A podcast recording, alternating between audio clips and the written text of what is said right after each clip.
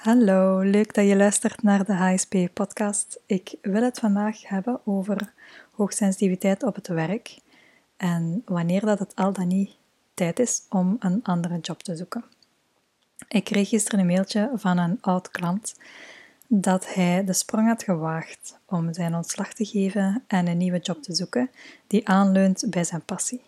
En hij had eigenlijk een hele mooie functie, uh, bedrijfswagen enzovoort. Alles wat in onze samenleving aanzien wordt als succesvol. Alleen hij voelde zich helemaal niet succesvol. Hij was er niet gelukkig in, in zijn job. Hij had heel veel stress, frustratie ook. Uh, was al een, is een tijdje uitgevallen ook. Ja, dat had een grote impact. Alleszins zijn job op uh, zijn gemoed, zijn algemeen geluksgevoel. Een gouden kooi noemde hij het zelf. En sinds een aantal weken, eh, hij liet mij weten dat hij sinds een aantal weken een nieuwe job heeft die volledig aanleunt bij zijn passie, bij zijn kernwaarden, bij zijn talenten. En hij schreef letterlijk in zijn mail: Dit vogeltje heeft zijn gouden kooitje verlaten en fladdert nu vrolijk rond in zijn natuurlijke biotoop. Het is echt gek, ik word nu elke dag terug vol energie wakker, nog voordat mijn wekker afgaat. Iets wat ik al jaren niet meer heb meegemaakt.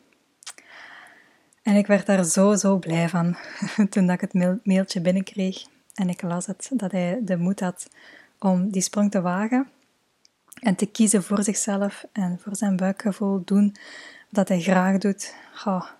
gewoon doen. Iedereen die doet wat hij graag doet, dat is zo enorm waardevol. En ik gun dat ook echt oprecht iedereen. Dus ik dacht, ik maak er een, uh, een podcast over HSP op het werk. En op een of andere manier komt het ook heel vaak voor in gesprekken de laatste tijd. Uh, vanmorgen nog in een kennismakingsgesprek, vorige week ook in een sessie. Dus voilà, ik voelde echt van, ik moet hier iets mee. ik ga ook trouwens aan het einde nog even concreet in op een vraag die werd gesteld via Instagram. Uh, die was van Kelly en zij vroeg, hoe kan ik beter omgaan met mijn sensitiviteit op mijn werk als kleuterjuf?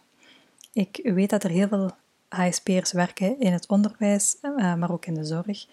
Dus die vraag wil ik ook graag nog beantwoorden.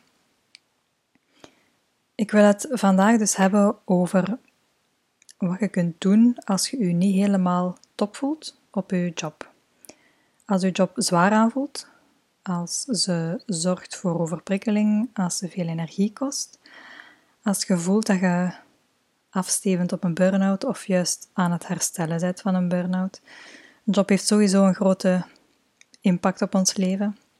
De juiste omgeving, ook op professioneel vlak, dat is ook heel belangrijk en zeker voor hoogsensitieve mensen, omdat wij dag in dag uit zoveel oppikken, zoveel indrukken opdoen. Er gaan ook tegenwoordig veel mensen in burn-out, maar er gaan ook heel veel mensen na hun burn-out gewoon verder in de hoop dat het nu wel zal lukken. En vaak wordt er dan voorbij gegaan aan de echte oorzaak. Dus als je dus wat worstelt met je job momenteel, uh, of je voelt je vaak overprikkeld, dan is het eerst en vooral belangrijk om voor jezelf concreet te hebben waar je juist tegenaan loopt, ook binnen je hoogsensitiviteit. Sta daar eens wat langer bij stil. Maak dat voor jezelf eens helder. Want anders lijkt het probleem vaak heel groot en ongrijpbaar ook. En de kans dat je zelf met oplossingen komt, of dat je zelf oplossingen vindt, verkleint daardoor. Dus maak het, het probleem of waar dat je mee worstelt dus echt concreet. Heb je last met puur de omgeving van je werk, dus de, de werkomgeving, en zowel de ruimte, de fysieke ruimte, als de personen daarin, dus de collega's. Uh, is het bijvoorbeeld een relatie met collega's die stroef loopt, of met één specifieke collega? Of is het eerder een algemene sfeer? Past de inhoud van uw werk bij u? Past die bij u, bij uw talenten, bij uw kernwaarden, bij uw persoonlijkheid? Of gaat het bijvoorbeeld over gewoon te veel dagen werk per week of te veel uren op een dag? Of is het moeilijk voor u om bijvoorbeeld los te laten uh, aan het einde van de dag? Hè? Blijft je maar uh, analyseren en pikkeren en zorgt je werk eigenlijk voor veel mentale onrust. Dus maak het voor jezelf eens echt heel concreet, zo concreet mogelijk, wat er juist voor irritatie of frustratie of overprikkeling zorgt. Dan, wat is de volgende stap? Wat kun je daar aan doen? Er zijn eigenlijk grofweg twee categorieën waar je naar kunt gaan kijken. Enerzijds naar de aandachtspunten in jezelf, dus wat jij zelf in de hand hebt, en anderzijds naar de werkomgeving en of dat die matcht bij wie dat jij in essentie zit. Ik ga beginnen met wat we zelf in de hand hebben en uh, waar dat we dus zelf mee aan de slag kunnen. Zorg er in eerste plaats voor dat je jezelf goed kent. En dus dat je goed weet, dat zijn mijn sterktes, uh, dat zijn mijn talenten, dat zijn de dingen die ik echt oprecht heel graag doe.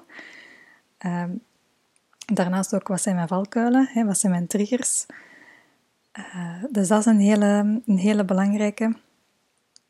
En dat je dat ook, als je al langer in een bepaald job zit, dat je dat ook nog eens een keertje afvraagt. Want ik merk dat heel veel mensen um, vaak al een te lange tijd in een, soort, in een job zitten waarbij dat ze het niet helemaal voelen, puur en alleen uit gewoonte. Of dat er andere zaken zijn die voordelig zijn voor hun, een soort van gouden kooi. Dus daarnaast zorg ervoor ook dat je je hoogsensitief stukje goed kent, van binnen en van buiten. Hoogsensitiviteit is maar een deel van wie dat we zijn, hè? een deel van ons karakter. Maar het is wel eentje dat als je dat niet goed kent en je kunt er moeilijk mee omgaan, dat een grote invloed kan hebben. Ehm, we zijn nu eenmaal prikkelgevoelig en dat kan ook resulteren in stressgevoelig zijn, hè, als we dus niet in evenwicht zijn. Dus het is belangrijk om, om, om dat goed te kennen, ook dat stukje. Belangrijk is ook dat je naast je werk voldoende ontspanning neemt, hè, zonder schuldgevoel dat er ook voldoende prikkelarme momenten zijn uh, in uw leven naast je werk, uh, omdat we nu eenmaal diepgaand verwerken, hè, zoals ze dat noemen. Veel prikkels komen binnen en wij moeten dat allemaal mentaal klasseren. Dat is nu eenmaal een feit. En als er in verhouding eigenlijk te weinig ontspanning is met uh, inspanning, ja, dan komen de problemen. ja, dat, dat, lijkt me, dat lijkt me duidelijk. Nu weet ook daarnaast waar dat u, um, waar dat uw grenzen liggen en durft u ook echt aangeven.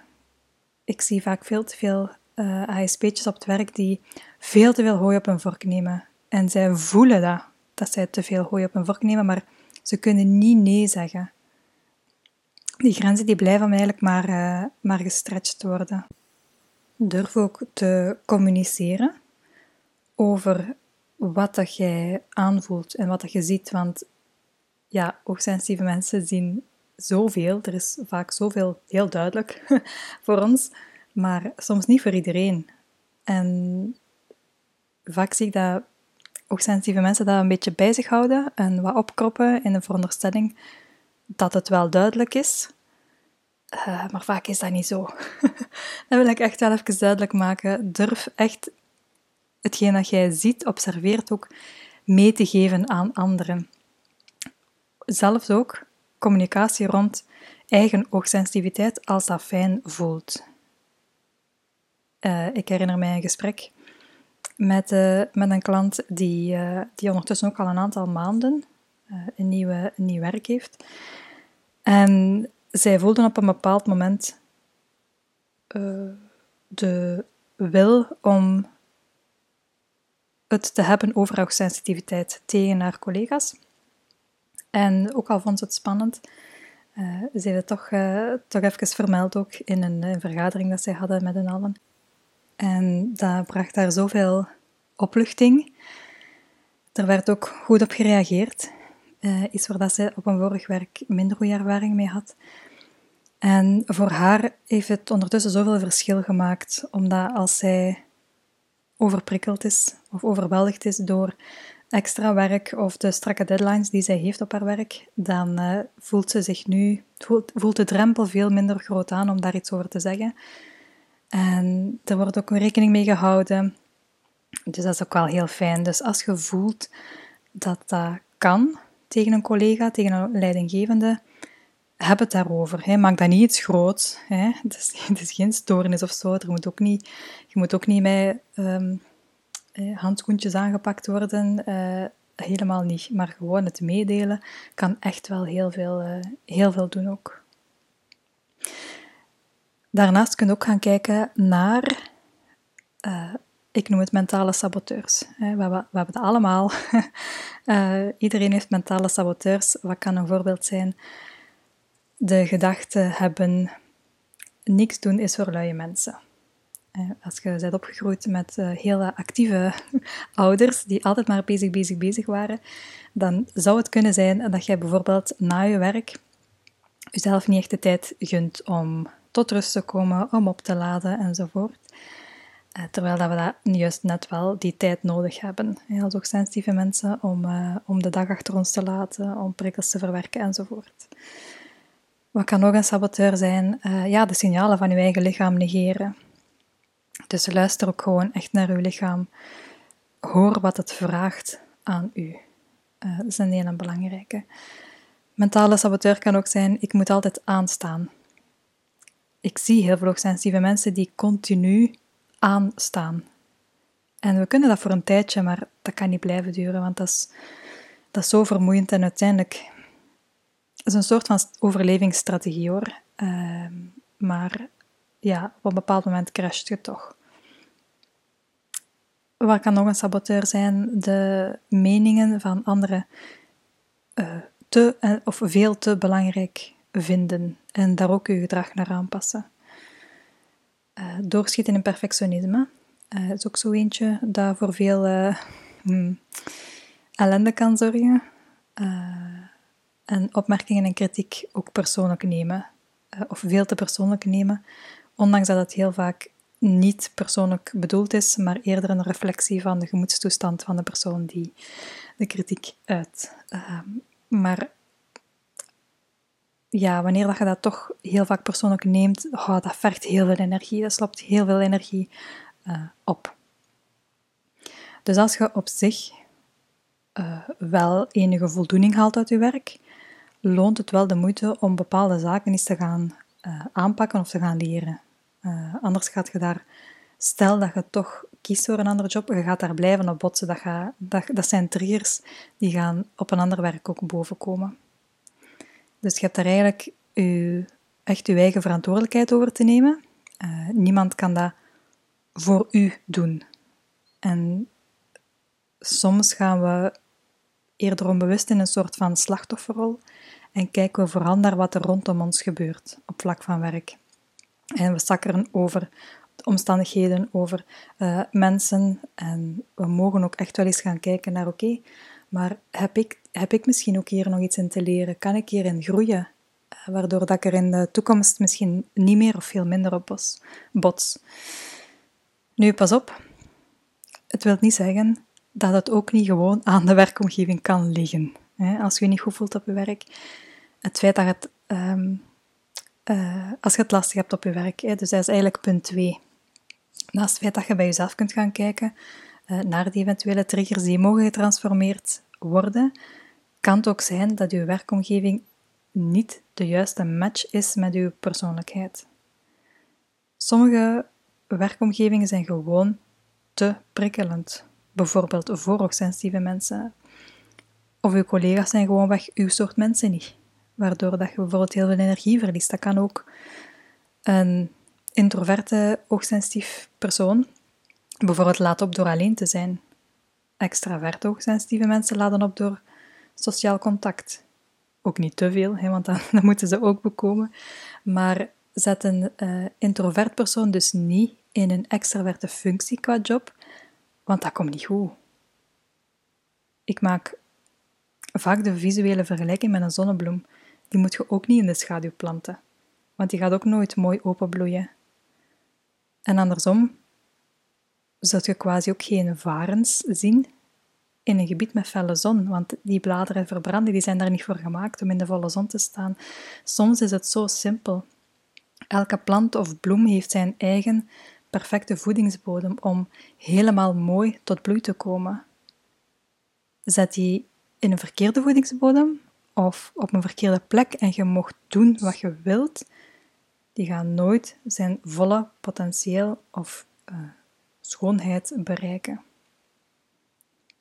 Ik krijg soms de vraag van, ja, wat is dan de ideale job voor HSP'ers? En helaas kan ik daar zo geen um, eenduidig antwoord op geven. Ik focus veel liever op de ideale werkomgeving voor HSP'ers in combinatie met het benutten van hun eigen talenten.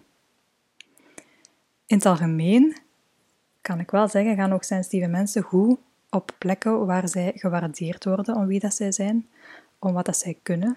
Ehm, een plek waar de ruimte is voor autonomie en eigen inbreng uh, zonder, uh, hoe moet ik het zeggen, onnozele, kinderachtige of achterhaalde regels, uh, waar dat er open kan, kan gecommuniceerd worden.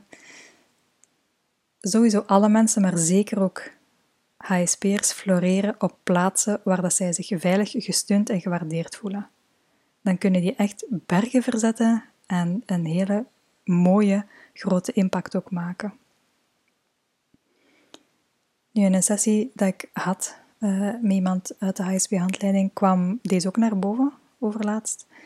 Zij, uh, zij zei op een bepaald moment, ik heb al zoveel gewerkt aan mezelf en ik blijf worstelen met mijn job. En ze had daardoor een beetje het gevoel van gefaald te hebben of zo. En ze had inderdaad al echt een hele mooie weg afgelegd op vlak van zelfzorg, inzichten, maar haar job bleef enorm veel energie vragen. Dus we gingen daar dieper op in. En de conclusie was dus, het was niet haar ideale omgeving, dus niet haar voedingsbodem. Zij is goed in wat zij doet, maar ze wordt niet gewaardeerd. En haar grenzen werden ook niet gerespecteerd. Het waren ook eigenlijk helemaal niet haar soort mensen. Haar collega's, of de meeste toch niet, alleszins. Is, en dat is ook oké. We hoeven echt niet met iedereen overeen te komen. Maar het is dan wel je eigen verantwoordelijkheid om een omgeving te zoeken die wel matcht bij wie dat jij in essentie bent. En dat kan weerstand en angst oproepen, en nog meer piekergedachten en doemscenario's die bovenkomen. Maar soms is het dus gewoon dat, dat je niet in de juiste omgeving zit, niet in de juiste voedingsbodem.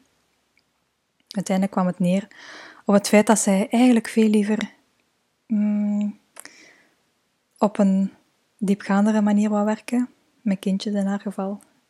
Eén op één, op haar eigen tempo, op een eigen rustig plekje, helemaal HSP-proof, uh, om het zo te zeggen. En gewoon al door haar daarover te zien vertellen, lichten haar ogen helemaal op en dan weet je van, oké, hier mag iets veranderen. Dus als je je eigen triggers kent, hè, en je hebt die ook al aangepakt, uh, en je kent gewoon ondertussen ook jezelf al helemaal heel goed, hè, maar het blijft een soort van mismatch, jij en je werk, dan kan het ook gewoon liggen aan het feit dat je dus niet in je ideale omgeving zit. En dat je beter tot je recht zult komen in een andere werkomgeving. En ja, er is overal wel iets. Dus ga nu niet direct op zoek naar, ah, ik heb de perfecte job nodig. Um, maar als je zelf je talent, je valkuil, je triggers heel goed kent, je kunt die managen en je hebt een job en een werkomgeving die goed, of toch zeker redelijk goed bij je passen, dan vormen dat soort lastigere momentjes of dagen een minder groot probleem. Je gaat dat dan ook veel gemakkelijker kunnen, kunnen relativeren, kunnen loslaten. Je veerkracht wordt gewoon zoveel groter. Nu om af te ronden, had ik gezegd, neem ik ook nog even het voorbeeldje van, uh, van Kelly. Die vroeg hoe dat ze beter met haar hoogsensitiviteit kan omgaan als kleuterjuf. Dus ik vroeg haar ook uh, eerst waar dat ze juist mee worstelde, om het probleem zo concreet en zo helder mogelijk te krijgen. En ze bleek uh, vooral last te hebben met de tijdsdruk en het feit dat zij zichzelf vaak verliest of vergeet, omdat er heel veel uh, kindjes daar op hetzelfde moment nodig hebben. En daardoor voelt, voelt ze zich heel snel overprikkeld, waardoor dat ze zelfs um, de leraarskamer als te druk aanvoelt en dat ze eigenlijk liever over de middag is in haar klas alleen is, hè, om terug, terug op te laden. Maar dan voelt, dan, voelt ze zich dan ook niet ongemakkelijk, of dan voelt ze zich ongemakkelijk bij uh, om zich af te zonderen. Maar ja, elke avond had ze dan tijd nodig om, om ja, te ontladen. Dus bij haar zou ik eerst gaan kijken wat de persoonlijke triggers zijn. Uh, of dat ze goed weet wat haar ontspant. Uh, en ook vaak genoeg ontspant, hè, want daar zie ik het vaak mislopen. Of dat er misschien eh, belemmerende overtuigingen of mentale saboteurs onder zitten. Uh, die maken dat ze de behoeften van anderen voor zichzelf zet. Of de mening van anderen te belangrijk vindt, omdat ze bijvoorbeeld wel goed aanvoelt wat ze nodig heeft. Uh, namelijk die, die tijd alleen nodig, smiddags om op te laden, maar dat ze schrik heeft misschien voor wat haar collega's ervan zouden zeggen. Um, dat is bijvoorbeeld zo'n mentale saboteur die ervan weerhoudt om tegemoet te komen aan de eigen behoeftes. Maar het kan dus even goed zijn dat haar job voor haar te prikkelend is. Uh, wat ik helemaal zou begrijpen trouwens. Want ik heb immens veel respect voor onder andere kleuterjuffen, gewoon omdat ik het totaal niet zou aankunnen wat zij doen. En je zou me echt letterlijk na twee dagen kunnen afvoeren, denk ik. Uh, dus voilà, bij deze. Om het nog even visueel te vertalen, kijk eens goed naar welk soort bloem dat jij zijt. Van binnen en van buiten. Hè? Welke kleur, welk steeltje, welke blaadjes, hè? om het even visueel te, voor te stellen. En welke omgeving dat jij nodig hebt en durf te verplanten als het nodig blijkt te zijn. Moest je het fijn vinden om daar eens samen met mij over te sparren, uh, of over eender wat dat met hoogsensitiviteit te maken heeft, dan zet je altijd welkom voor een gratis kennismakingsgesprek. Uh, dat kan ook online en is uiteraard geheel vrijblijvend. Voilà, ik hoop dat je waarde hebt gehaald uit deze podcast. Deel hem gerust ook als je denkt dat uh, een ander huisbeetje er ook veel aan zou kunnen hebben. Zo kunnen we het samen het bewustzijn er rond vergroten. Dankjewel om te luisteren en tot een volgende podcast.